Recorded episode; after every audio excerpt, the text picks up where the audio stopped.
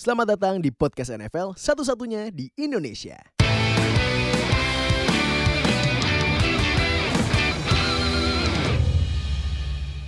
Halo NFL fans Indonesia, selamat datang di Super Bowl 53 review. Wes, Yeah. Yes, akhirnya ya setelah Yeah. lama kita tidak rekaman podcast, akhirnya bisa balik lagi uh, memberikan podcast terbaik untuk fans NFL di seluruh Indonesia ya. Siap. Bareng gua Fadil Saputra, b- uh, gabung lagi Bro Tufel yang kemarin sempat dibajak sama box out nih, Sade.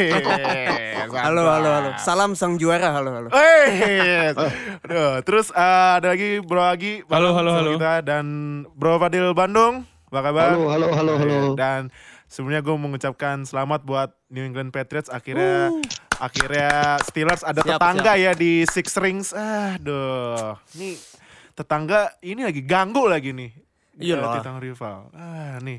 Jadi eh, kita mau review Super Bowl 53 yang dimenangkan oleh Patriots 13-3 yang kebanyakan kata orang matchnya Boring. boring ya. Karena pannya pannya banyak banget itu. Buat fans netral mungkin boring ya. Iya, kalau mungkin kalau buat fans defense Pas. seru ya.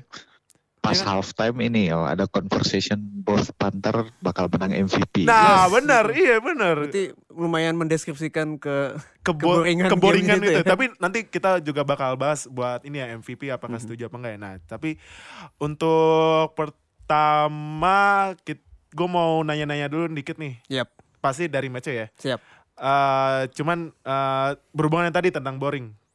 Dari point of view fansnya Patriots deh walaupun menang Mhm. dari tuh uh, Tufel boring nggak? Enggak lah. Oh enggak. Enggak kenapa? Seboring-boringnya final tuh buat fans pasti tegang. Iya betul. Oh, oke Nggak oke. boring karena masih close gitu. Oh, masih close ya? Walaupun gak ada action, skornya nggak ada. Heeh. Paling jauh tuh selisih cuma tiga poin. Jadi Iya. sampai gua bener-bener kayaknya pas field eh, pas Gilmore interception terakhir baru gua udah mulai lumayan Lega. Lega. Ah, oke oke oke oke. Kalau Bro Agi Ya sama. Karena eh secara teknikal kan kemarin sempat bahas eh, Rams tuh offense-nya sangat-sangat muda dan eksplosif. Iya. Tapi kalau senang teknikal nonton pertandingan kemarin sama sekali nggak boring. Sama Ah, sekali nggak boring karena Heeh. defense-nya Patriots menurut gue melakukan sesuatu yang bisa disebut master master class kali ya. yes. cara mematikan play action, cara Yes. mematikan eh, CJ Anderson dan Gurley dan pokoknya gimana caranya bikin Goff panik dan lain-lain. Jadi kalau menurut gue dari sisi teknikal ini pertandingan mungkin paling seru dari dari eh, ya kalau dari sisi teknikal ya. Oh, technical. Ya, Oh, sisi Oke, mungkin oke, ini oke, paling seru. Tapi emang dari se- secara scoreboard Heeh. eh, ya bisa dibilang boring oke, cuman tetap seboring-boringnya final tuh buat masing-masing fans menegangkan gitu. Hmm, Karena oke. fans apa ya?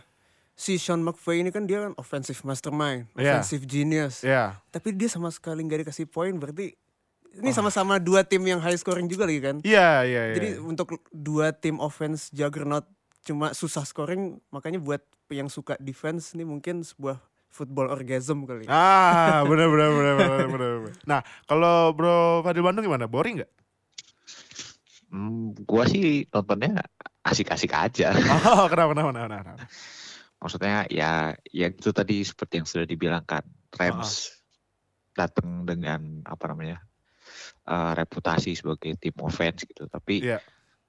kalau dilihat juga kan kita ngelihat New England kan kayak unstoppable gitu kan. Heeh. Kemarin pas lawan Casey itu kayak third down conversionnya terus-terusan. Dan Uh-uh. ini New England juga mati-matian gitu ngelawan Hmm. Ramsnya. Jadi ya menyenangkan aja ditontonnya. Hmm, oke oke. Nah, eh, kita masuk ke match ya. Yep. Nah, eh, ini pas eh pertama kan yang dapat bola eh Patriots dulu ya? Eh, Rams Patriots dulu ya? dulu. Patriots dulu ya? Patriots dulu. Patriots dulu ya. Nah, Yang interception awal langsung. nah itu yang mau gue tanya. Itu pas first pass singnya Tom Brady langsung interception gimana itu perasaan lo dari Bro Agi dulu deh. Eh, Tahu-tahu eh, di tip ball sama Nickel Robbie Coleman yang terkenal dengan kontroversi non PI call itu. Nah, Yep. terus eh, dia ngedeflect terus diambil sama Corey Littleton linebacker ya. Nah, mungkin itu eh, istilah too old yang selama ini sering ledek Brady ya kejadian di first play itu sih. Ah, Karena iya, itu iya, iya, iya. kalau mau main bela-belaan interceptionnya terjadi karena bad pass dari Brady bad throw ya. Ah, ah, Bolanya eh, bouncing banget, ah. nggak tight spiral yang akhirnya dia menuju ke Hogan tapi di tip sama Nickel Ruby Nickel Coleman dan diambil. Corey Littleton. Aha. Secara eh, game plan dan playbook untuk pertama sih agak kurang puas ya kayak Iya. maksudnya terlalu risky untuk eh, menggapai Chris Hogan yang lagi lari ke outside. Biasanya dilakukan itu tuh di late third atau fourth quarter karena Iya. biasanya di, eh, play-play kayak gitu dilakukan ketika lawan udah mulai capek gitu. Mhm. Ini kan masih prima, masih fresh, masih sangar, Heeh. tapi McDaniels dan Brady udah ngambil keputusan untuk risky play jadi menurut Ah. gue kurang tepat aja sih Oh, oke, untuk oke. di awal seperti itu. Oke. Kalau Bro Tufel? Eh, gua awal-awal lumayan ini ya, karena begitu dap eh, coin toss, Heeh. Pat- yang dapat bola Patriots Uh-uh. dan gue emang pengen dia dapat bola duluan. Iya. Terus gameplay awal-awal juga running running running. Oh oke nih, kayaknya gameplaynya sama pas lawan Chiefs. Iya. Eh begitu first pass, bolanya wobble, Iya. ketip, akhirnya intercept. Heeh. Gue langsung, gue kan duduk sebelah lo kan. pas Iya. itu. Wah iya, gue ah, ngeliat lu pas, pas ngeliat lu pas eh, interception first passing, yang lain pada wah deh, langsung dio gitu. First pass pertama soalnya anjir. Iya, kayak pas opening first passing, Itu, first bener. ever passing attempt, Hmm. intercept. Wah. Terus ya tapi kredit juga sih buat Wade Phillips defensive coordinatornya eh, Rams. Heeh. Kalau yang gua baca-baca sih emang pas first quarter ini dia masih ngem disguise defense-nya itu main-main atau zone gitu. Ah. Dan di play ter untuk play spesifik yang interception itu Mm-mm. emang mungkin Brady lihat awalnya oh ini man cuma ternyata begitu di snap bolanya ternyata mereka main zone makanya Iya, iya. ada sedikit confusion dari Brady dan ditambah bolanya keluar nggak bagus Hmm. akhirnya dapat interception. Ah, oke. Kalau Bro Fadil Bandung eh, pas lu lihat first attempt passingnya Brady di intercept, gimana reaksi lo? Shock apa? sih- Oh, oke gitu. Ya lumayan kaget ya. Ah. Maksudnya gue lihat awalnya running running running gue jalan nih kayaknya jalan. Terus Heeh. tiba-tiba passing terus intercept loh. gue kayak kaget gitu. Biasanya apa ya? Ya si apa? Biasanya Pets nih um, first shot itu antara langsung deep. Kalau nggak cari aman aja gitu loh. Biar si poin pertamanya tuh soalnya penting kan kan eh, si Pets ini lumayan apa namanya? Kadang-kadang suka agak telat panas gitu. Jadi Iya. biasanya tuh ja- jadi prioritasnya si Belichick juga supaya panasnya cepet gitu. Tapi Hmm. ya gitu terus begitu deh. nah, eh, terus kan eh, abis itu si Rams dapat bola tapi Triano Triano mulu ya. Abis itu Patriots dapat bola maju tapi fourth down field goal Goskowski Nggak masuk. Nih. Gak masuk. Nah itu gimana tuh eh, buat khusus fan Patriots? Nah lu perasaan gimana tuh? Kan Goskowski udah salah satu eh ya god kicker ya. Hmm. Cuman pas gak masuk tuh gimana perasaan lu dari Eh, gua tuh? ya kesel lah yang pasti. Kesel ya? Apalagi kan ya bener yang kata Fadil bilang Pets kan emang kalau di Super Bowl tuh ada telat panas. Iya, Dan iya. gue sih pengennya first quarter build berapa poin lead lah. Iya. Tujuh- Either itu 7 poin atau 10 poin. Heeh. Eh begitu kena interception. Heeh. Terus oke kita dapat bola lagi. Maju-maju field goal miss. Hmm, si anjing emang. Eh maaf nih agak kasar cuman apa-apa. Goskowski emang kalau di final atau di AFC CG suka kayak gitu. gitu. Cuma ya ah, untungnya nggak beda jauh sih poinnya dan defense kita emang bagus banget jadi Hmm, iya iya iya. ter apa ya terkompensasi lah. Iya iya. iya. Kalau Bro Agi gimana? Khusus fans Patriots ya? Iya kalau pas field miss field goal Goskowski. Goskowski tuh giliran di di di apa ya? Giliran stage ya? the whole Boston dan whole fan Patriots mengharapkan masuk suka begitu. giliran yang unexpected kick yang eh, nyoba-nyoba 55 yard, 54 yang ah paling nggak masuk nih. Itu malah masuk. Iya, ya. iya, aneh ya. Tuh kayak gitu tuh. kayak sering kata kayak kata Tufel di AFC Iya. Championship game Mm-mm. di pertandingan-pertandingan dan detik-detik penting. Even kayaknya kalau Goskowski masuk yang waktu lawan Broncos kita ada chances Yes. Super Bowl 50 masuk eh, itu kan waktu Yes. itu betul. gitu. Nah. Emang ya tapi ya i- ibaratnya you got to be grateful yang what you have lah karena Iya. eh, kalau nggak Goskowski siapa crossbar atau siapa gitu. Even kemarin eh, Zurlane yang lagi dijulukin apa namanya akhir-akhir ini kakinya dia Zurleg Leg- apa sih? Eh, Legatron. Legatron juga ya. Legatron. Legatron. kan juga dia sering masuk kemarin juga masuk ke 54 yard kan Iya, tapi iya. even gitu yang namanya situasi genting dan menegangkan akhirnya Zurlane di akhir game juga gagal kan Hmm, Gitu Nah, kalau Bro Fadil Bandung nih, first quarter 0-0. Itu menurut lo unexpected apa expected? Unexpected banget. Soalnya Oh, banget. si Oh, banget. Rams ini nih biasanya panasnya lumayan cepet Heeh. ngebut tapi terus hilang di tengah nanti di belakangan nongol lagi. Ya. tapi ya gitu sih apa ya senang aja lihat apa namanya nggak ada skor gitu jadi nggak bisa nebak ini kira-kira bakal siapa yang bakal gimana gitu Iya. Sebenarnya sih Ah, ber- berharap waktu si 0-0 tuh terus gamenya jadi lebih liar sedikit gitu banyak Iya. yang nyoba aneh-aneh tapi nggak nongol-nongol juga yang aneh-anehnya nah, eh, ya ada satu nih yang gue mau tanya ke lu bertiga, ada yang sangat menarik. Todd Gurley hilang ya? Iya. Kenapa itu? Gue juga gak tahu tuh cuy. Iya. Kenapa ya? Si Kenapa Todd ya? Nggak ada- Padahal Ah, di gamenya juga statusnya dia healthy Iya. dan siap untuk carry the load. Tapi gak tahu kenapa ya Iya. si Sean McVay gak Iya. pakai dia. Menurut tuh kenapa nih bro lagi? Apa cedera lah, cederanya kambuh atau? Gue sempat mikir di tengah pertandingan sampai mikirnya tuh aneh gitu kayak ini Iya. ada ada masalah asmara atau apa gitu. Malah Karena sampai gitu mikirnya. Ya kalau emang se- secara injury report dia yang clean should be fine gitu. Iya. Yep. Kan kalaupun ketahuan ada sesuatu malah nanti bak- bak- bakal berakibat di eh, ini NFL kan atau Nah, apa. Iya, Terus kalau- dari oh, mulai benar, sorry. eh, apa ya? Movement pun akhirnya gue analyze juga ya ya no big deal gitu. Iya, no big Ini deal nggak ada masalah atau Hmm. apa. Iya. Kayak sesuatu ya di kepalanya. Iya, ke- mungkin kaget kali ya. Kayak ini kan lu lihat kalau uh, misalnya di short ke golf, dia kayak masih ngeliat ke atas aja kayak, Iya, iya. eh gila gue ke Super Bowl, Mungkin- gila pertama kali gitu. Sean McVay lagi mau ini aja kali ya, eksperimen. Udahlah gue gak pakai Gurley mungkin kayak Iya. Malcolm Butler musim lalu. Oh iya, iya kayak tahun kali. kemarin Itu ya. gak tahu kenapa ya. Iya, iya, iya. Masih belum ada penjelasannya tuh. Iya. Nah, eh, terus kan eh, masuk ke second quarter masih juga masih game kayak gitu ya. Hmm. Tapi akhirnya Goskowski field goal masuk. Jadi akhirnya skornya 3-0 tuh kan. Yup. 3-0 eh, buat Patriots sampai halftime. Tapi itu ya Rams kalau nggak salah eh, Bro Valley Bandung kalau nggak salah di second quarter sempat ada big play ya yang passing ke ini kan ke Brandon Cooks ya. Mhm. Iya Ada yang, jauh sekali. Yang ada jauh banget kan. Nah, nah tapi lu eh, shock juga nggak pas abis sampai halftime itu total lihat si Edelman jauh lebih bagus daripada whole Rams offense.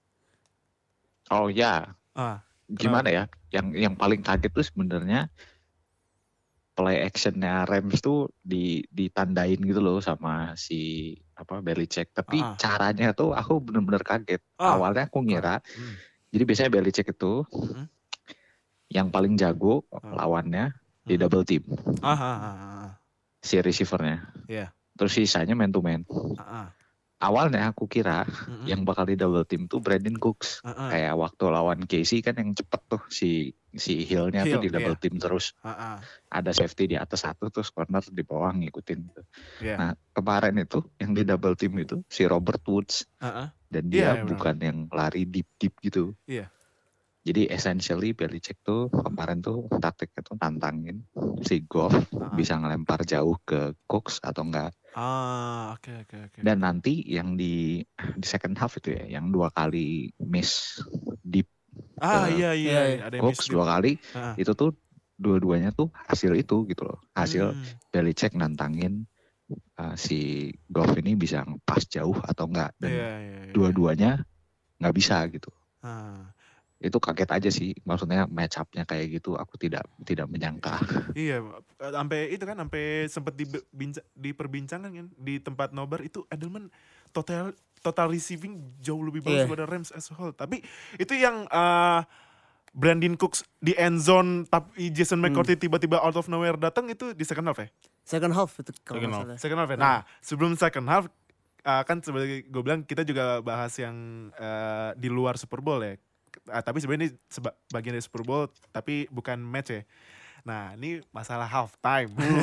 Halftime show. halftime show. Aduh. eh mungkin eh, dari kalian para pendengar apalagi Maroon 5 ya. Yoi. Maroon 5 kan band well known banget nih. Yep. Pasti bakal ngasih performa yang maksimal ya. Apalagi sempat ada petisi yang minta dimainin lagunya Sweet Victory-nya sebenarnya lagunya Van Halen tapi Iya. orang pada bilang lagunya SpongeBob. Nah, eh, dan ada sempat eh, leak news katanya ada yang fotoin lagi rehearsal si Maroon 5 eh, kayak ada persiapan lagunya SpongeBob. Tapi pas halftime ada sih eh, momen SpongeBob masuk ini kan yang Squidward Iya. tiba-tiba keluar tapi tahu-tahu bukan lagunya Sweet Victory, tahu-tahu si komodnya si Travis Scott. Nah, kalau menurut Bro Agi nih, nah yang sudah lama kerja di dunia per, dunia permusikan nih, Hmm. kecewa nggak sama halftime show?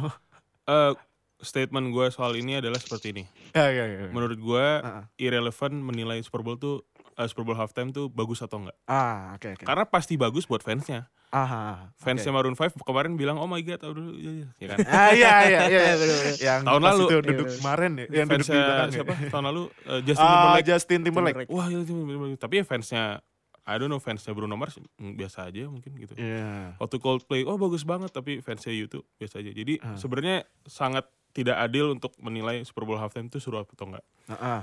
Mungkin lebih tepatnya tuh eh, ya apa ya kayak sesuai dengan message atau enggak. Ah. Itu yang lebih tepat menurut gua. Kayak eh, halftime show itu kan Super Bowl kebanggaannya Amerika dong. Ya. Kayak satu paket se- selama 15 menit yang bisa Amerika tawarkan yang terbaik gitu. Ya, Jadi- 15 menit ya. Iya, jadi menurut gua kadang yang bisa ngasih message bahwa Super Bowl halftime ini adalah kayak di Olympic of Music tuh menurut gue yang juara gitu. Ah, ah, ah. Kayak eh, waktu itu siapa ya? Yang sempat sempat bikin tribute gitu-gitu tuh. Menurut gua tuh Oh, kayak oke.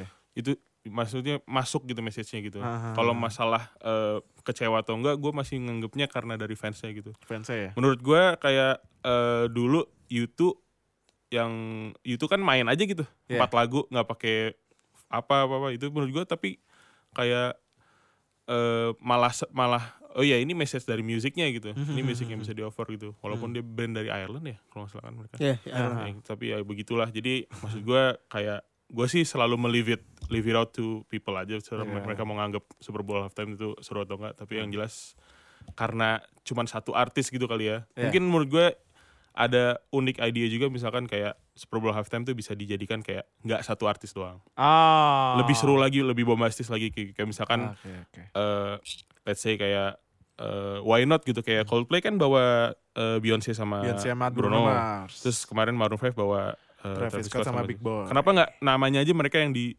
disebar gitu habis itu dikasih porsi yang sama gitu kan. Oh, Jadi- headline-nya gitu iya, ya? jadi nggak perlu satu doang karena Ah. even band sebesar Coldplay pun merasa nggak sanggup untuk sendiri gitu kan. Iya sih. Harus ngajak Bruno sama harus ngajak Beyonce. Iya, jadi iya, menurut gua kayak mungkin lebih tepat tuh NFL halftime show kayak dibikin satu lima artis digabung jadi satu gitu menurut gua lebih menarik sih. Hmm. Jadi kita juga s- lebih Oke. menilainya itu lebih eh, apa ya lebih subjektif kali ya kayak lebih Mhm. oh in in a whole package tahun ini bagus Ah, jadi kita nggak ke artisnya gitu Ah, oke. oke. menurut gue sih gitu Eh, nah, kan tadi kan eh, pendapat dari yang sudah terjun di dunia permusikan. Nah, sekarang gue mau nanya dari yang penikmat nih. Yap. nikmat Kalau menurut Bro Tufel, kecewa nggak sama halftime show? Eh, gue sih nge-treat halftime show biasanya kalau buat eh Patriots lagi ada di Super Bowl buat ngedistract gue aja sih. Ah, biasanya kalau halftime show masih skornya masih seri atau lagi kalah, biasanya kan lagi aduh males nih. Biasanya ngeliat halftime show tuh buat distraksi. Iya, Cuman iya. kalau menurut gue halftime show kemarin sih underwhelming banget ya. Ah, oke. Gue ekspektasi gue sebenarnya udah rendah, tapi eh, untuk sebagai casual fans, sebagai Ah. pendengar musik top 40 yang casual aja, Hmm. gue expect lebih dari Maroon 5 dan kawan-kawan gitu. Dan Hmm. eh, gimana ya, gue juga nggak bukan fans dari eh, dalam sporting event tapi yang dinyanyikan lagu-lagu cinta tau gak sih lo? Ah. Lo lagi nonton halftime show tapi si Maroon Iya 5 nyanyi Sugar gitu Iya, kayak langsung. kayak nggak masuk aja gitu Iya, iya. momennya gitu. Iya, iya. Travis Scott sih oke kalau menurut Hmm, gue hmm. lumayan aksinya lumayan Iya. lumayan energik. Iya, apalagi pakai apalagi. apalagi pakai sneakers itu ya, kolaborasi terbaru tuh. Iya. Iya. Ya tapi overall gue sedikit underwhelming aja dengan sama Maroon 5 dan kawan-kawan. Hmm. Tapi pas eh, yang Squidward keluar itu tetap nggak dinyanyiin Sweet Victory lu kecewa nggak? Iya itu aneh ya, maksud gue itu kan sebenarnya bawaan dari sosial media kan. Oh Iya. si siapa Stephen Hillenburg kreatornya SpongeBob meninggal, they should do a tribute in Super Bowl gitu. Tapi yang tahu itu kan orang-orang sosmed. Iya. Kalau orang-orang netral casual yang nggak tahu, tiba-tiba loh, kok tiba-tiba ada SpongeBob nih SpongeBob apa ya? Iya, iya, iya, Terus iya. tiba-tiba muncul Travis Scott lah, makin bingung lagi Makin kan. bingung lagi, Iya. iya, iya, Maksud iya. gue confusing aja sih kenapa itu dia kayak message-nya mau ngasih tahu Sweet Victory zaman sekarang tuh lagu Travis Scott Oh, bisa jadi. juga. Iya, iya, iya. yang iya. kayak tiap hari anak-anak muda denger gitu Ah, kan. iya, iya, iya. Jadi lo mungkin bingung aja kalau nggak pernah tahu ceritanya ya, Ah. cerita gimana SpongeBob lagu ini mau dibawain tiba-tiba loh, oh, kok ada SpongeBob? Iya. Oh, tapi kok yang muncul bukan SpongeBob nih kenapa ada gitu. Iya. Jadi rada bingungin aja sih. Hmm. Kalau Bro Fadil Bandung boleh sedikit eh, kasih komentar tentang halftime show menurut lu apakah Iya. mengecewakan apa enggak? gue sih mostly sama kayak Tufel ya Ah, ah. kayak gue tidak berharap banyak nggak nggak nggak mantengin khusus buat halftime show-nya tapi ya sedikit underwhelming lah Hmm. kan biasanya tuh something yang megah gitu loh Iya. yang Ya. bombastis Hmm, gitu ah, tapi kok kayak nggak ada apa ya nggak ada Wow momennya gitu ya? Iya gitu lah Ah. kurang menurut gue Ah, Oke oke. Nah, eh abis bahas halftime show kita balik ke match ya. Yep. Nah, sekarang kita masuk ke third quarter. Third quarter eh, Rams sempat maju ya. Third Third quarter quarter eh, Ramsnya sempat maju, cuman ya pas third quarter itu eh, field goal doang dia dapatnya dia. Iya, field goal doang sayang sekali. Eh, si. Legatron Itu pun dari 50 something. Iya, ya. iya, Nah, 50 something yard. Iya. Dan eh, terus juga si ini apa? Pas third quarter itu Johnny Hacker yang selesai jadi MVP Iya, iya, itu. iya. Johnny Hacker Itu- selesai Itu MVP. mulai ada conversation Panther jadi MVP iya. itu pas pasti. itu pas kita nobar di Eta Amerika sempat bahas ya sama NFL, ini yang NFL fans Indonesia yang pada datang ya. Selesai itu John, Johnny Hacker atau enggak siapa nama Panther Ryan Allen. Ryan Allen itu habisnya kalau dari statsnya eh kalau dari statsnya sih ini eh si Ryan Allen lima kali ngepan average 43 yards inside 20-nya tiga kali Ada satu yang 60 something yard setahu gue. iya Hah. ya nah Yang ngepan jauh banget. tapi yang terpan terpanjang kan si Johnny Hacker tuh Hmm. Johnny Hacker ngepan berapa kali 9 kali. 9 kali 417 yard. 417 yards 46,3 average yards inside 20-nya 5 kali. Gila. Udah gitu eh, longestnya lima- 65 yards gara-gara bolanya bobbling Iya, kan. bobbling. Nah, Untung nggak ada fake pun fake pun ya. So Johnny Hacker itu kan. iya Dia kan biasanya emang Tapi kayak Belichick udah ini Iya. ya itu. udah waspada ya. Kalau masih fake punt terus kena juga kecolongan Patriots Wah, kebangetan tuh. parah sih ya. Kebangetan iya, tuh. Iya. Biasanya Johnny Hacker kalau yang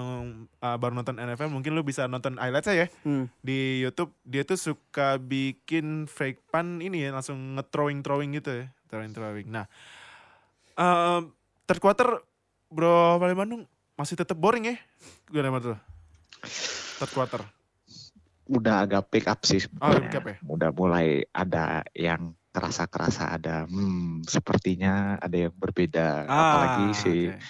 apa uh, Edelman kan catch 10 tuh 7 di first half kan. Iya, di tujuh sec- first half. sec- second half tuh berarti udah udah kurang jauh gitu. Hmm. Jadi Mhm. udah udah fokus si Pets nih udah keluar third quarter tuh udah banyak uh, nggak ngepassing, udah fokus di running game gitu. Iya. Bawa dua tight end lah, Iya, iya. pakai Develin lah, Iya. ditabrak-tabrakin Mm-mm, kayak gitu. Udah udah ada shifting fokusnya gitu. mm-mm. Cuma sama Rams juga kan mulai agak beda sedikit approach-nya ke apa ke pertandingan. Mereka adalah bisa sukses dikit-dikit maju, dikit-dikit maju terus bisa sampai field goal itu juga kan. Iya. Cuma ya tetap aja apa namanya masih slugfest lah istilahnya masih defense on defense. Hmm, oke oke.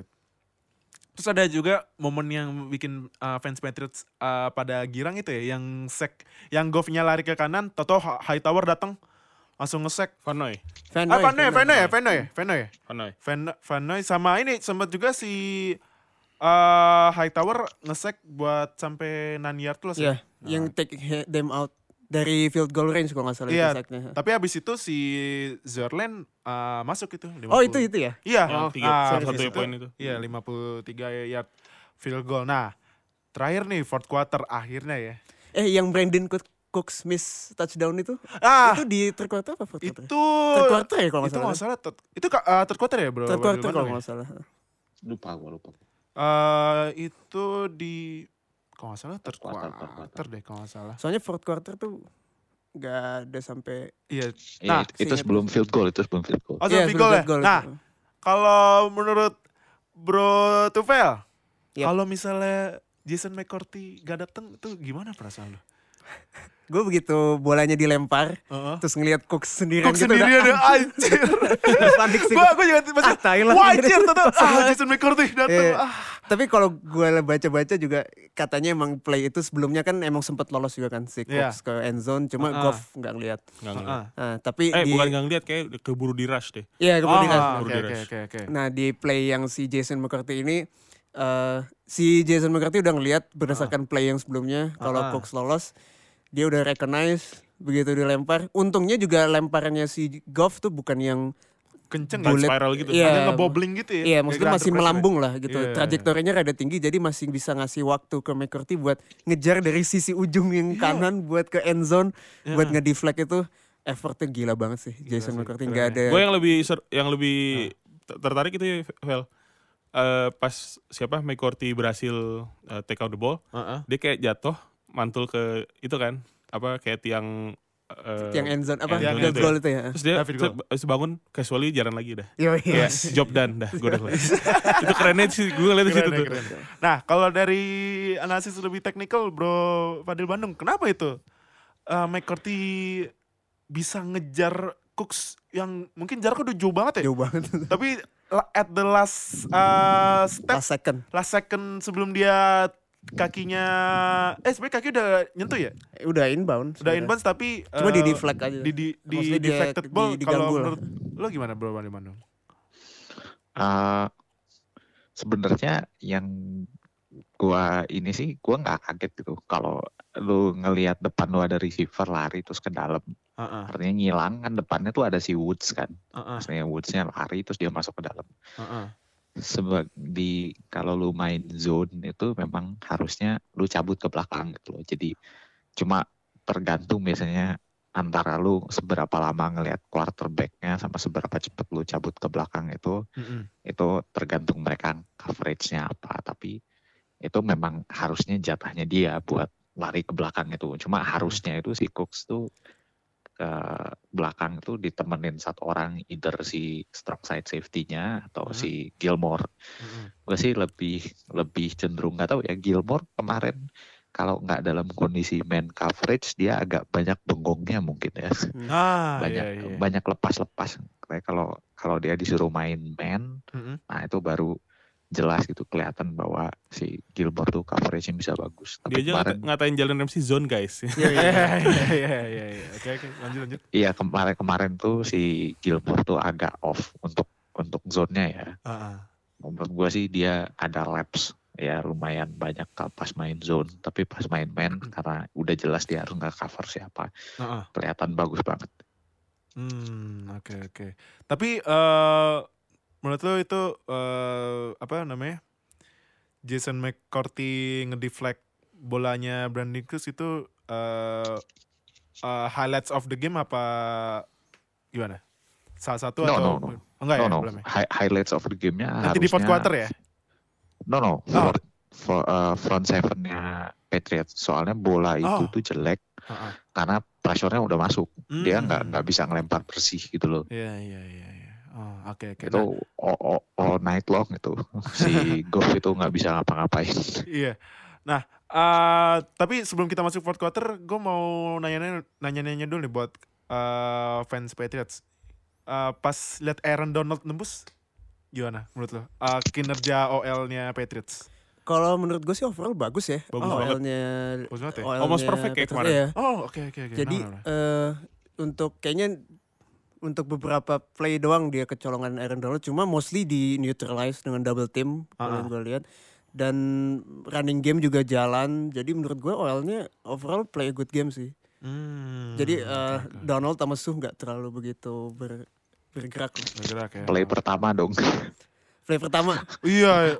lari Devlin langsung ditabrak set the tone lah itu Iya, pasti. saya nih, Hmm. biar ngasih statement mungkin ya. Nah, masuk fourth quarter akhirnya ya. yes Itu kalau nggak ada Grong mungkin nggak ada Yoi. touchdown ya. yoi Cuman eh kalau menurut tuh kan banyak yang bilang nih, bahkan dari fans Patriots, Grong udah udah habis udah abis. Tapi kalau dari play itu menurut tuh eh Grong sebenarnya masih dibutuhkan gak sih ke eh, sama Patriots apalagi kalau misal lagi di momen-momen yang sangat fatal kayak gitu. Eh kalau menurut gue sih itu emang salah satu enaknya ya punya Gronk lu kalau bisa eh, dia kan di double coverage kan. Iya, iya itu. dua itu dua. Ah, dan lu t- kalau bisa lo kasih bola di radius yang biasa dia tangkap Mm-mm. itu most of the time dia bisa gather dan size mismatch dia ke setiap pemain yang dia jaga pun Mm-mm. itu juga masih as- beru- berupa advantage gitu. Iya. Kalau menurut gue sih dia emang menurun banget karena kondisi fisiknya emang nggak bagus musim ini. Ada rumor juga dia nge- masih mengidap injury Achilles lah atau apa. Ah, Kalau menurut gue sih eh, untuk one on one plays, one on one ball, Ah. Gronk masih bisa efektif. Hmm, oke. Cuma health-nya aja yang concern. Kalau Bro Agi gimana? Apa kalau Iya. uh, setuju atau bis, atau mungkin nge-support statementnya Tufel? Apakah Grong masih dibutuhkan apalagi di momen-momen fatal? Punya Grong itu bisa nge-unlock eh, sim route di playbook.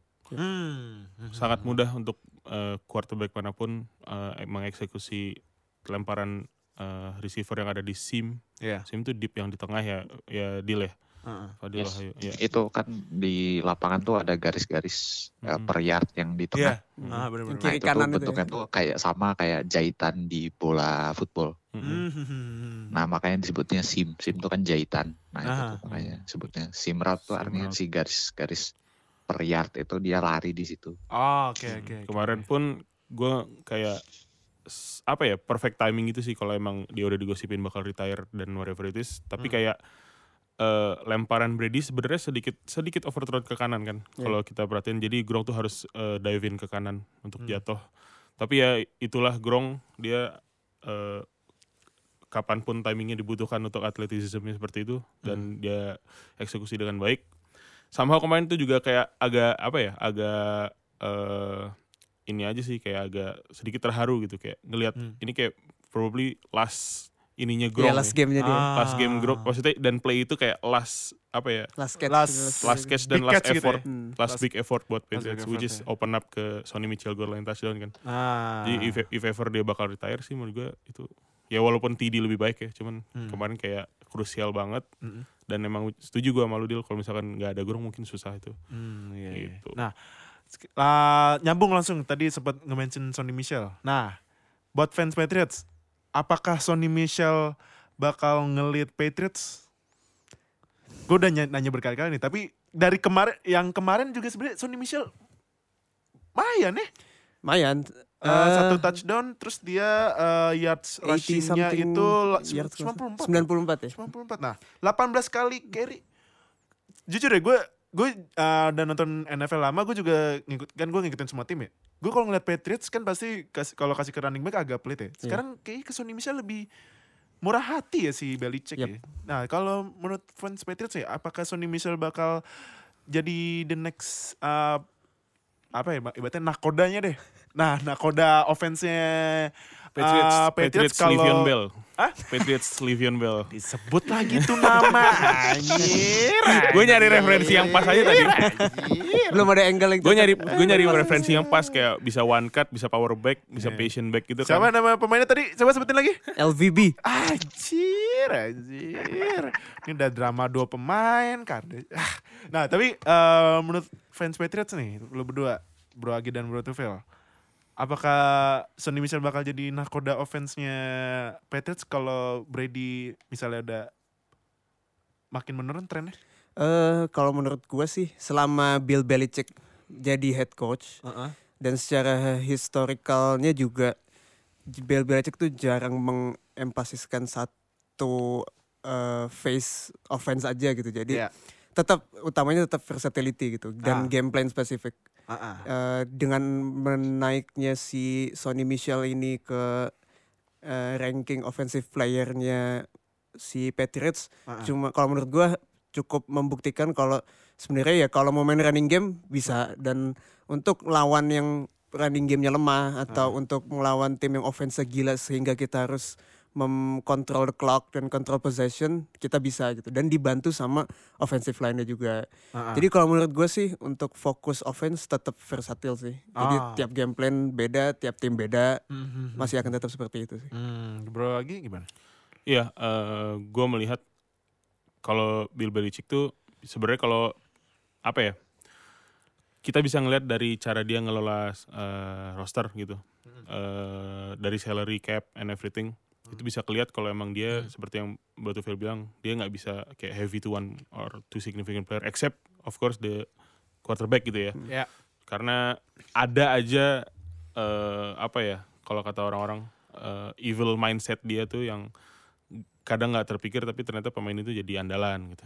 Kayak misalkan tahun ini juga sebenarnya kan cukup merata gitu. Even though tetap dipimpin oleh eh, Edelman atau apa, cuman pemain-pemain lain lain tuh juga ada andil pentingnya juga di offense Patriots. Mhm. Kayak jadi emang menurut gua we'll see how it goes. Cuman kalau emang Michel dibutuhkan untuk jadi leader, dia pasti akan bisa jadi leader gitu. Cuman oke, eh, untuk dijadikan satu Michel jadi leader mungkin menurut gua agak kurang cocok untuk Patriots way gitu. Ah oke. Nah, gue mau nanya ke Bro Fadil Bandung nih.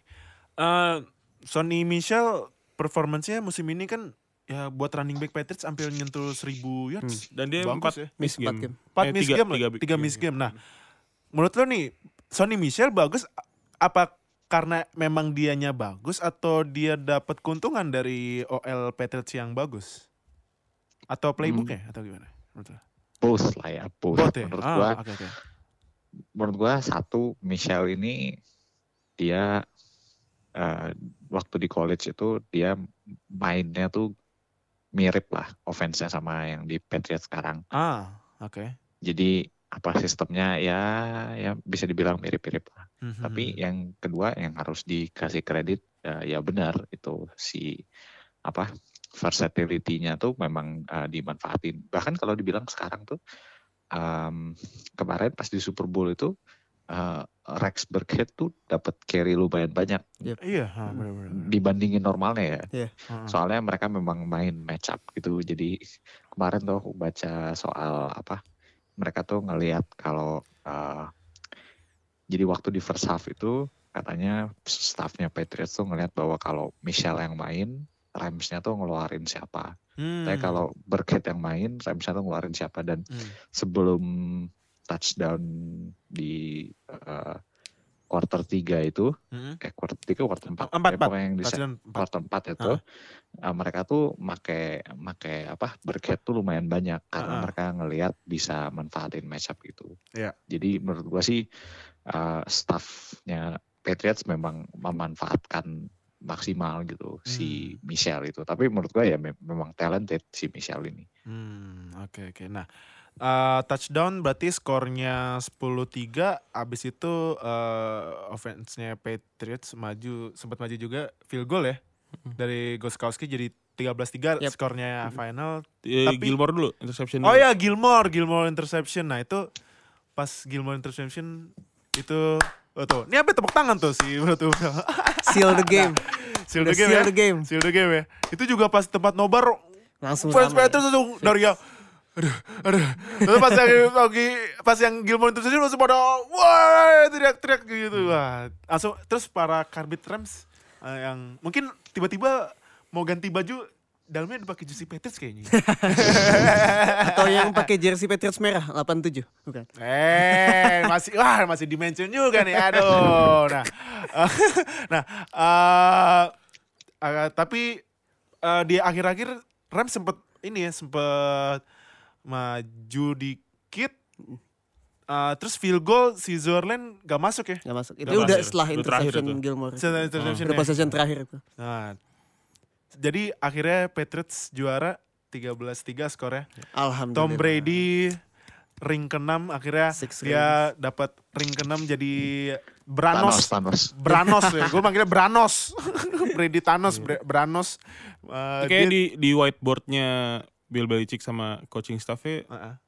ngebahas Rams kayak tulisannya simple kayak cuma how, how to make Jared Goff panic udah Ah iya sih. udah Ka- kayak gitu doang deh Karena emang eh, even di Gilmore interception itu simple karena itu cuma seven man blitz si safety Ah, dua-duanya maju ah. kan iya iya. bikin Gilmore eh, resah terus dilempar agak under power dikit Iya, akhirnya Gilmore Nah, kemarin tuh gue baca Nah. di sosial media kalau Hmm. sebenarnya yang memenangkan play itu adalah kuncinya ada di Brian Hoyer. Oh, oh kenapa Mungkin- Hoyer? Mungkin kalian udah ada yang baca. Jadi Brian Hoyer baca. ini dulu Eh, itu, itu. s- kalau nggak salah sempat jadi backup di Rams. Ah, ah, dan sempat belajar playbooknya. ah, ah. Nah terus tahun ini dia nonton detailnya Peyton Manning Oh iya. tentang Iya, iya, offense-nya Rams Iya iya. iya. dan dia ngelihat kalau offense-nya nggak berubah dari zaman dia masih di Rams dulu Oh, sama oke, McVay. Hmm. Nah, terus dia ngecek all or nothing-nya Rams juga sama. Itu Oh. Be- Belichick ikut nonton katanya. Oh iya, Ikutan gitu. nonton All or Nothing. Nah, nah si Hoyer ini Ah, ah, berdasarkan pengalaman dia di Rams, ah, ah. dia masih ingat kalau sebenarnya Rams ini nggak punya answer terhadap all out blitz yang Oh. dilakukan tim. Jadi answernya itu cuma satu, ya udah expect quarterbacknya make a play, udah gitu Ah, doang. ah. Makanya dimanfaatkan, apalagi si Patriots di game-game sebelumnya kayak lawan Chiefs, lawan sebelumnya emang suka ngasih all out blitz di momen-momen tertentu kayak third down, key third down, dia suka all out blitz, cover Ah, ah. zero. Nah, Ah, ah. makanya dia di play itu tuh kelihatan banget di all out blitz Uh-uh. dan Rams nggak punya counter itu counternya adalah Jared Goff ngelempar tinggi which is di intercept sama Ah. beda sama yang pas AFC Championship game ya Ah. AFC Championship game juga disempet dikeluarin all out blitz di key moment juga Ah. tapi Mahomes dan Andy Reid punya play buat nge-counter itu which is Ah. dia roll ke kanan dan screen pas ke si Damien Williams yang iya. ujung-ujungnya kosong Ada ya. Iya, itu counter yang bagus dan Oh. si Sean McVay ini ternyata nggak mempersiapkan counter untuk itu. Hmm. Itu juga kemarin sempat dibahas Apa? Eh, resiko dari expose yourself eh, to the media tuh ya kayak gini juga. Hmm. I mean eh lu bisa ngerti banget Sean- Sean McVay hanya dengan nonton Amazon All or Nothing. Hmm. Ah, Iya, iya. itu 6, episode tuh makanya gue sempat di awal musim bilang Sean McVay tuh kayaknya bakal jadi the next uh, great coach gitu ya karena gue nonton All or Nothing juga Ah, ah. kelihatan gitu tapi jadinya ya untuk lawan makanan empuk banget menurut gue. Sih, belum lagi iya, ada iya. Hard Knocks juga kan Iya, yang iya, HBO iya, terus iya. kayak bener kayak gitu-gitu makanya ada baiknya juga kenapa kayak tim eh, papan atas yang eh, langganan AFC Champions League game itu jarang diekspos di Ah. eh, apa dokumenter dokumenter ini karena gitu gitu Iya. dan gue nggak nggak kayak nggak mungkin ya Belichick tuh dalam waktu dekat Nggak ada di mungkin. All or Nothing Nggak mungkin kayaknya Hard sih. Knocks. Iya, nggak mungkin Gak mungkin sih. mungkin. nggak mungkin. Itu kelihatan semua apa ininya pesugihan yang dalamnya Tapi apa All or Nothing sama Hard Knocks di cancel aja kali ya? Enggak lah. Atau jangan. jangan-jangan All or Nothing ke Steelers aja kali ya? Nah, Biar lihat cocok gimana drama kan Kardashian ya. Hard Knocks, Ah. Hard Knocks atau All or Nothing kan buat tim-tim yang nggak masuk playoff. Nah, Ini Steelers cocok ya. Kurang ajar, kurang ajar. Nah, eh, kan eh, akhirnya Brady jadi Thanos ya. Mhm. Sudah men-snapkan eh, tinggal tinggal nge-snap sekali aja ya biar dapat 7 ya. Yes. Tapi apakah dapat seven ring? Ya bisa lah. Oh, yes. depan. Tahun depan bisa. Tahun depan ya. Mm. Masih yakin nih eh, Patriots Yakin lah. Oh, masih yakin. Baru ya? juara Super Bowl masa nggak bisa repeat. Wih, Lagi tinggi nih Eh, confidence. saking confidence tinggi ya. Tahu Ntar Gronk retire. ya, tahu off season ntar eh, turun kena lagi. ada apa-apa. Nah. Agent cabut. Nah, tapi kalau dari Bro Fadil Bandung nih eh, terakhir. Em, kalau lihat dari match ini ini ibaratnya Rams kayak dikasih ospek gak sih? ospek ke big game kayak ibaratnya Belichick sama Brady bilang, "Nih, lu- nih big game nih gue kasih tahu, tapi cara eh, tapi kita nggak ospekin dulu deh." Nah, kalau menurut lu, ini ibaratnya ospeknya Ram, Rams apa gimana? Menurut lu? Ini eh, bentar ya. Ah. Kan tadi dibilang yang apa? Yang si Brian Hoyer itu Oh, Itu yang kan. itu ya, yang di, Nah. ya. Brian Hoyer tuh dia nggak pernah di Rams ataupun nggak pernah di bawah McVay. Oh iya ya, nggak pakai. Oh iya, Cemiu ya, berarti Dia Cemiu ya. di bawah Jeff Fisher. Oh, bukan. Kyle Shanahan, Oh, iya. oke, sorry. Cleveland Browns. Oh, Oke, oke, oke, oke. oke. Oh, zaman di Nah. Browns. Oke, oke. Iya, iya, iya. Ya, nah si sebenarnya si McVay ini Ah, ah. itu mirip sama Shanahan. Cuma Hmm. bedanya kalau menurut gue ya dari orang awam ya, Mm-mm. si McVay ini jauh lebih simpel. Offense McVay ini jauh lebih simpel daripada si Shanahan. Mm-mm. Sebagai play caller Mm-mm. itu menurut gua jauh lebih jago Shanahan daripada daripada McVay. Iya. Salah satu kekeras kepalaannya McVay ini adalah uh, dia punya game plan dan Hmm. dia stick to it gitu. Bagus sih. Ah. Cuma masalahnya, jadi ini ospek kedua buat McVay. Ospek pertama itu season kemarin kalian lawan Falcons ya? lawan Vikings. Apa Vikings ya? Ah, iya. Pokoknya ada sa- satu game tuh mereka dihabisin, habis-habisan. Mereka nggak bisa ngapa-ngapain. Ah. Nah itu stubborn banget. Jadi mereka nggak bisa run game, nggak Ah. bisa PA. Ah. Nah sejak saat itu tuh season ini mendekati akhir musim Mm-mm. bisa dilihat sebenarnya Rams tuh mereka nyoba nyoba hal-hal aneh-aneh. Mm-mm. Mereka lari dari shotgun sebelumnya nggak pernah. Iya. Terus uh, run game-nya jadi beda dikit sejak datang CJ Anderson terutama. Aha, Jadi beda dikit. Ah, ah. Terus ya pokoknya pokoknya nggak kayak biasanya lah. Nah, cuma Hmm. ternyata dibuktikan kalau lawan Belichick itu belum cukup gitu. loh. Jadi kita kita lihat lah perkembangan McVay ini kayak gimana. Ah. Habis kemarin dikadalin sama Mike Zimmer, sekarang dikadalin sama Belichick. Harusnya kalau lihat dari track recordnya ya, harusnya Ah. dia bisa berkembang lebih jauh ah. sebagai apa uh, offensive mastermind gitu. Ah. Nah, eh, kalau misalnya gue tanya Bruto sama Bro Agi kan pasti pada bilang Patriots bisa masuk Super Bowl lagi nih. Nah, kalau gue tanya ke ke Bro pada Bandung, menurut gimana Patriots musim depan? eh satu ya yang kerasa kurang banget Patriots nih, Ah, ah. receiver. Ah, receiver. Nah, nah, nah. Kemarin tuh nggak tahu berkali-kali tuh kalau ngandelin siapa Cordero Patterson di Yep. luar tuh Hmm. kayaknya drop lah apa apa eh, nggak bagus rutenya terus nggak dapet lah Ah, ah. pokoknya ada kurangnya itu jadi akhirnya makanya terakhir tuh kan baru setelah mereka manfaatin Gronk di passing game ah. baru kebuka beneran kan ah. Edelman sekalipun catch-nya banyak dan yardage-nya gede, tapi Hmm. dia nggak bisa nggak bisa apa ya nggak bisa motorize the whole team gitu. Ah. Waktu lawan Casey sih ya dia di end game dia clutch gitu ya, tapi Hmm. kurang gitu kalau apalagi kalau Gronk beneran retire ya. Iya. Kalau murni ngandelin Edelman aja susah banget menurut gua gitu. Hmm. Soalnya ya ya sehebat-hebatnya Brady nge-elevate receiver no name-nya tetap harus ada up to certain point harus ada harus ada kemampuannya gitu receivernya. Hmm.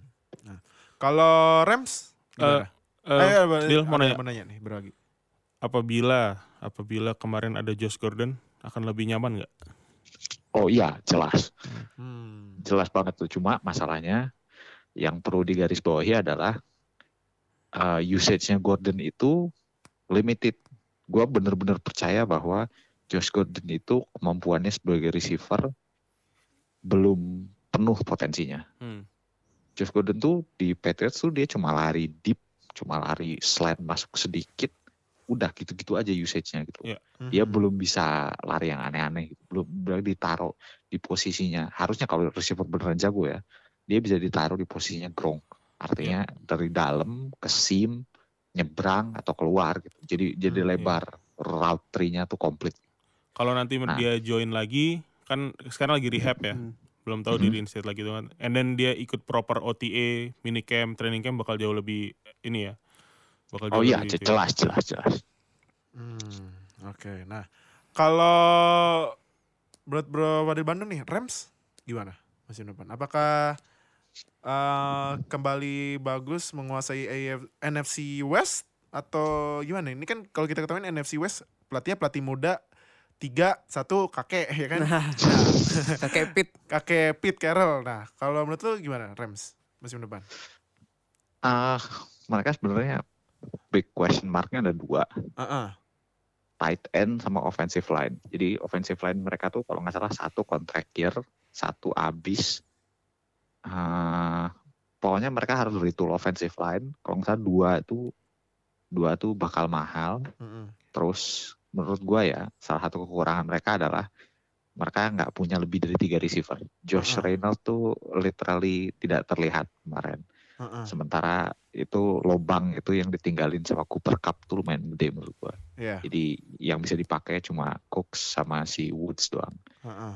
Jadi mereka kurang receiver satu, well ya, ya supaya receiver jadi empat bisa rotasi gitu. Ah, ah. Terus tight end, tight end mereka tuh, gua ngerti usage-nya memang beda dengan tight end di tim lain, tapi at least tuh harus ada supaya ada harus supaya ada variety-nya. Soalnya kelihatan di lawan Belichick ini kalau lawannya spesifik game plan lawan mereka, mereka Ah. bisa kalah jelas. Gitu Mm-mm. ya menurut gue itu aja sih sama nah ini Jared Goff ini mau dikontrak kayak apa kita Ah. juga harus tunggu soalnya kan pernah gue bahas kan yang soal apa quarterback on rookie deal itu kan Iya. ah, ah.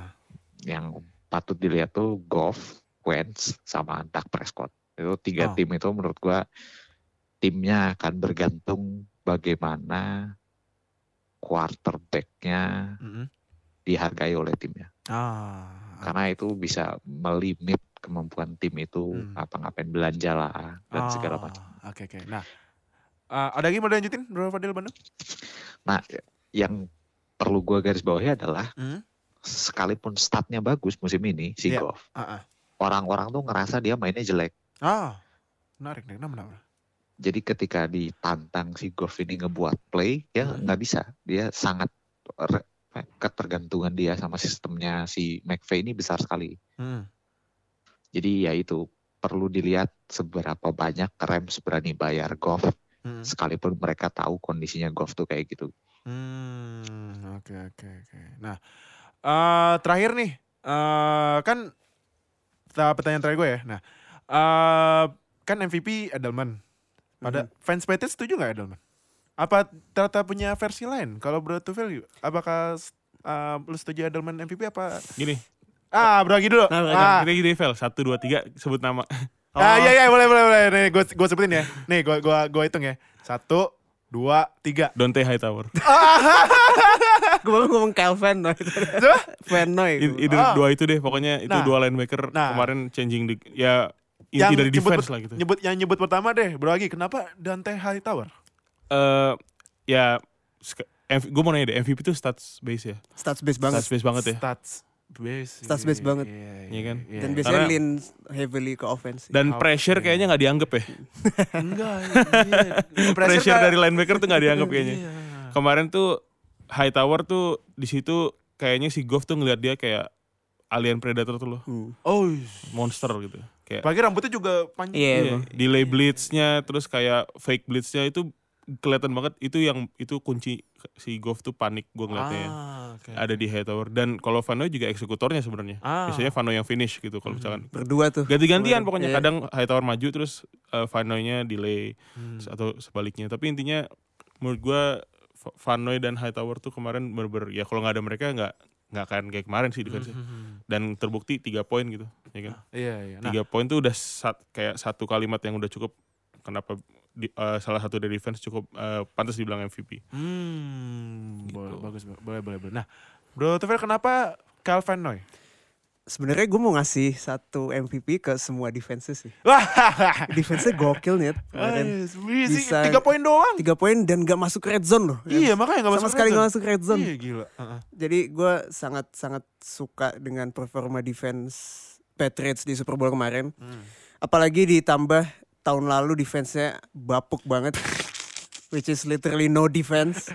Pure offense doang. Iya. Jadi tahun ini kebalikannya ya. Defense-nya defense yang ya. nyelamatin gamenya. Ah. Dan gue lihat juga game plan-nya lumayan bagus Ya. si Belichick. Mm-mm. Eh, kalau yang gue baca-baca Belichick tahu nih apa kemampuannya si Sean McVay offense-nya adalah outside zone run-nya si Gurley Mm-mm. sama play action-nya kan dan Iya. bisa di contain dengan bagus. Heeh. Ah, apal- ah, terus si Sean McVay juga bilang di akhir pertandingan pas di interview I got out coach by Bill Belichick gitu. Ya, out coach ya. Dan pas di defense juga di first down, second down, eh Belichick bisa menghasilkan cukup stoppage eh, terhadap zone run-nya McVay dan Yeah. play action di di stop dan di third down mereka punya designers. Gue juga Hmm. nggak tahu tuh apa maksudnya kata designer. Which is mungkin specifically design play buat masuk pressure ke si quarterback yang si Buragi bilang juga banyak delayed blitz yang yang mengcombine stunt sama yang muter-muter itulah Ya, yeah, iya, defensive iya. line-nya Ah. akhirnya bisa masuk ke golf Ah. golf all night long ke pressure jadi gue sih masih MVP ke satu defense mereka sih. Oke oke. Nah kalau Bro Fadil Bandung lu setuju nggak Edelman MVP? Atau ada pemain lain? Atau Johnny Hacker? No, menurut gua bisa jadi yang pantas jadi MVP-nya itu Gronk. Oh, kenapa Grong? Soalnya MVP itu valuable kan. Heeh. Semua run itu runnya tuh banyak yang ke arahnya Gronk gitu. Ah, Dia ngeblok Heeh. dan at the biggest moment game changing play-nya adalah catch-nya Gronk, bukan touchdown ya kan. yes Ya, Catch-nya catch-nya ya catch. Ah. Kalau Edelman dapat MVP waktu lawan Casey mungkin masuk akal. Soalnya dia Hmm. conversion third down waktu OT-nya tuh terasa banget kan. Iya. Itu itu momen gamenya tuh itu. Sementara momen game ini adalah ya itu catch and Gronk itu. Tie Hmm. tiga tiga fourth quarter langsung masuk red zone terus habis itu udah tinggal run deket doang gitu loh. Iya. Jadi menurut gua MVP-nya adalah Gronk. Gerong ya. Hmm, Oke oke. Nah em, dari kalian bertiga ada yang mau memberikan kesan-kesan atau mungkin eh, untuk menye apa untuk eh, mengekspresikan Six Rings ini mungkin dari Bluetooth Kayak lagunya Ariana Grande bakal banyak dipasang di Fosboro nih. Apa? Oh Seven, Seven Ring. Oh, Seven Ring. Oh, oh, oh, Seven. Bukan thank you next. Gue sih udah thank you next. Thank you for this Lah, Super Bowl. Kemarin kan yang si apa Belichick dikasih piala, piala ditinggalin kan? udah banyak lah. Udah banyak, udah bosen ya? Udah bosen. iya, Jawabannya juga udah males dia. itu dia pasti udah kesel, udah ketinggalan prep draft buat nanti. Ah, Dia udah ketinggalan dua bulan. nah, Yang eh, paling yang paling yang paling gua kesel itu kemarin yang Apa, apa, apa? Apa? foto ini foto pesawat. We're gonna need new plane.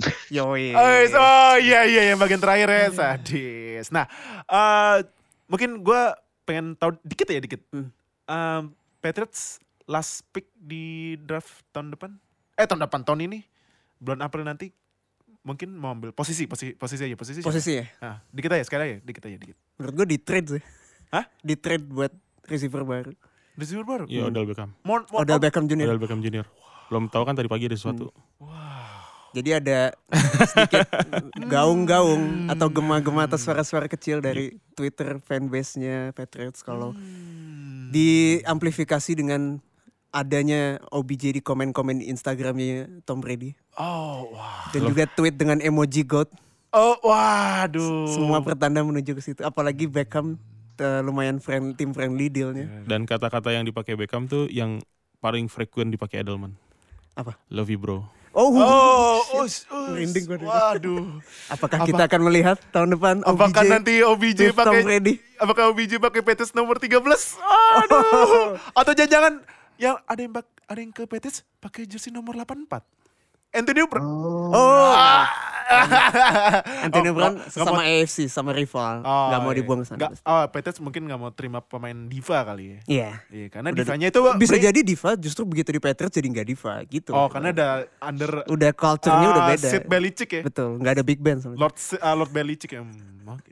Nggak tapi kalau mungkin draft receiver sih menurut gue Receiver ya kalau last pick ya. ah. Hmm, oke oke. DK Metcalf mungkin Oh, oh, oh ya itu. Enggak gue asal sebut aja Gue ngeliat di Twitter kayak gokil nih orang gede Eh, banget tapi tapi tapi tapi uh, Tapi gak sedikit- tahu mungkin dapat Itu kan no- kalau nggak salah nom- receiver nomor satu rated Iya, Jadi iya. nggak mungkin sampai slide Nah, ke tapi boleh di, ah, dikit aja nih beberapa dari Bandung. Di dapat DK DK Metcalf katanya top prospek WR musim ini. Eh, eh, rookie top prospek rookie WR nanti di draft ya? Dikit aja dikit. Yes. Yes ya. I would I would agree, I would agree. Ah, mungkin kalau misalnya tim yang di atasnya Patriots uh, sleeping on DK bisa diambil kali ya. Nggak paling Patriots tuh ngambil pemain yang jago Tapi cedera ACL tahun sebelumnya Terus value-nya turun baru Kayak si itu ya, siapa? Si Win ya.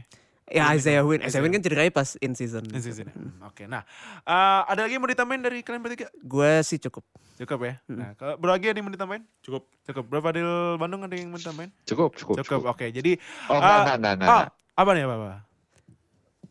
Ada ada- Jangan apa? apa? terlalu cepat membuat kesimpulan. Tahun depan AFC wakilnya Super Bowl Browns. Oh, ini, suka ini, nih. nih. Dan yang menarik itu kalau misal dari lihat dari komunitas kita kayaknya fans Browns banyak Makin banget banyak ya. Makin banyak Makin banyak ya? Bagus Itu gue bingung banget sumpah. Iya bingung ya. Terus sebagai uh, fans uh, aslinya Browns malah sampai kebingungan Hmm. nih kenapa tiba-tiba banyak gitu ya. nah, uh, Oh iya ini kan udah akhir musim nih uh-uh. kita inilah mungkin season in review mungkin bisa momen-momen memorable apa yang di musim kemarin itu eh masih kalian appreciate oh gua kalau gua sebenarnya sih ya karena tim gua ya kayak tai gitu Iya, dari dari 5 winning streak, Toto rekornya terakhir 35 anjir. Eh 3 eh tau lah bodo amat gue udah lupain. Cuman ya kalau gue sih momen momen yang bagus ya dari Steelers ya itu si Juju yang long pass Hmm. lawan Broncos yang udah dikejar dua orang tapi yang satunya kepleset satunya dikena itu sama ini apa yang fans McDonald Oh, fans McDonald yang, Steve Arm. ya? Armnya, wah kawan Buccaneers.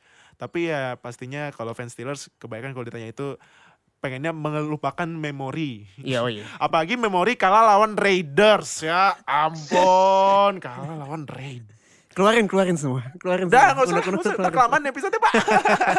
nah, kalau ya Bro Tufel apa misalnya? Eh, Ya kalau- selain Patriots lah, selain, Selain Patriots. Patriots, gue seneng lihat Patrick Mahomes musim ini. Oh iya, sama satu lagi Mahomes. Patrick Mahomes dia tiap minggu ya. bisa menghasilkan pertunjukan yang sangat bagus buat Iya. kita kita fans football dan eh, he's unlike any other player sih. Sangat entertaining, sangat eksplosif. Apakah dia bakal jadi pemegang obor uh, the new generation of NFL? Oh iya, Oh, iya, iya. iya banget kalau menurut gua. Hmm, kalau Bro lagi apa? Misalnya me- memori lo Kalau bukan mengesankan. Kalau bukan Patriots nggak dimasukin. Miami Miracle kayak. oh itu nggak mau di Gue mau ngomong tapi nggak enak. Memori paling enak tuh ya ngeliat-ngeliat Bel ngambek. di, fin- di finish dengan manis banget dengan Antonio Brown di akhir mu- di Yoi, game yoi. 17. kambing aja Ya because your loss is our gain gitu kan. Anjing, Intinya begitu. nah kalau Bro di Bandung apa uh, mungkin memori uh, yang lo paling inget di 2018 selain Browns yang Mayfield akhirnya menang ya Mayfield gokil sih Mayfield musim ya. ini. Selain itu apa kalau menurut lo? Gua selain Browns Ah, apa ya? Enggak, maksudnya musim ini nih beneran musim pertama sejak 2014 ya. Aha. Sejak 2014 gua merasa ada harapan gitu loh Oh. buat Browns gitu.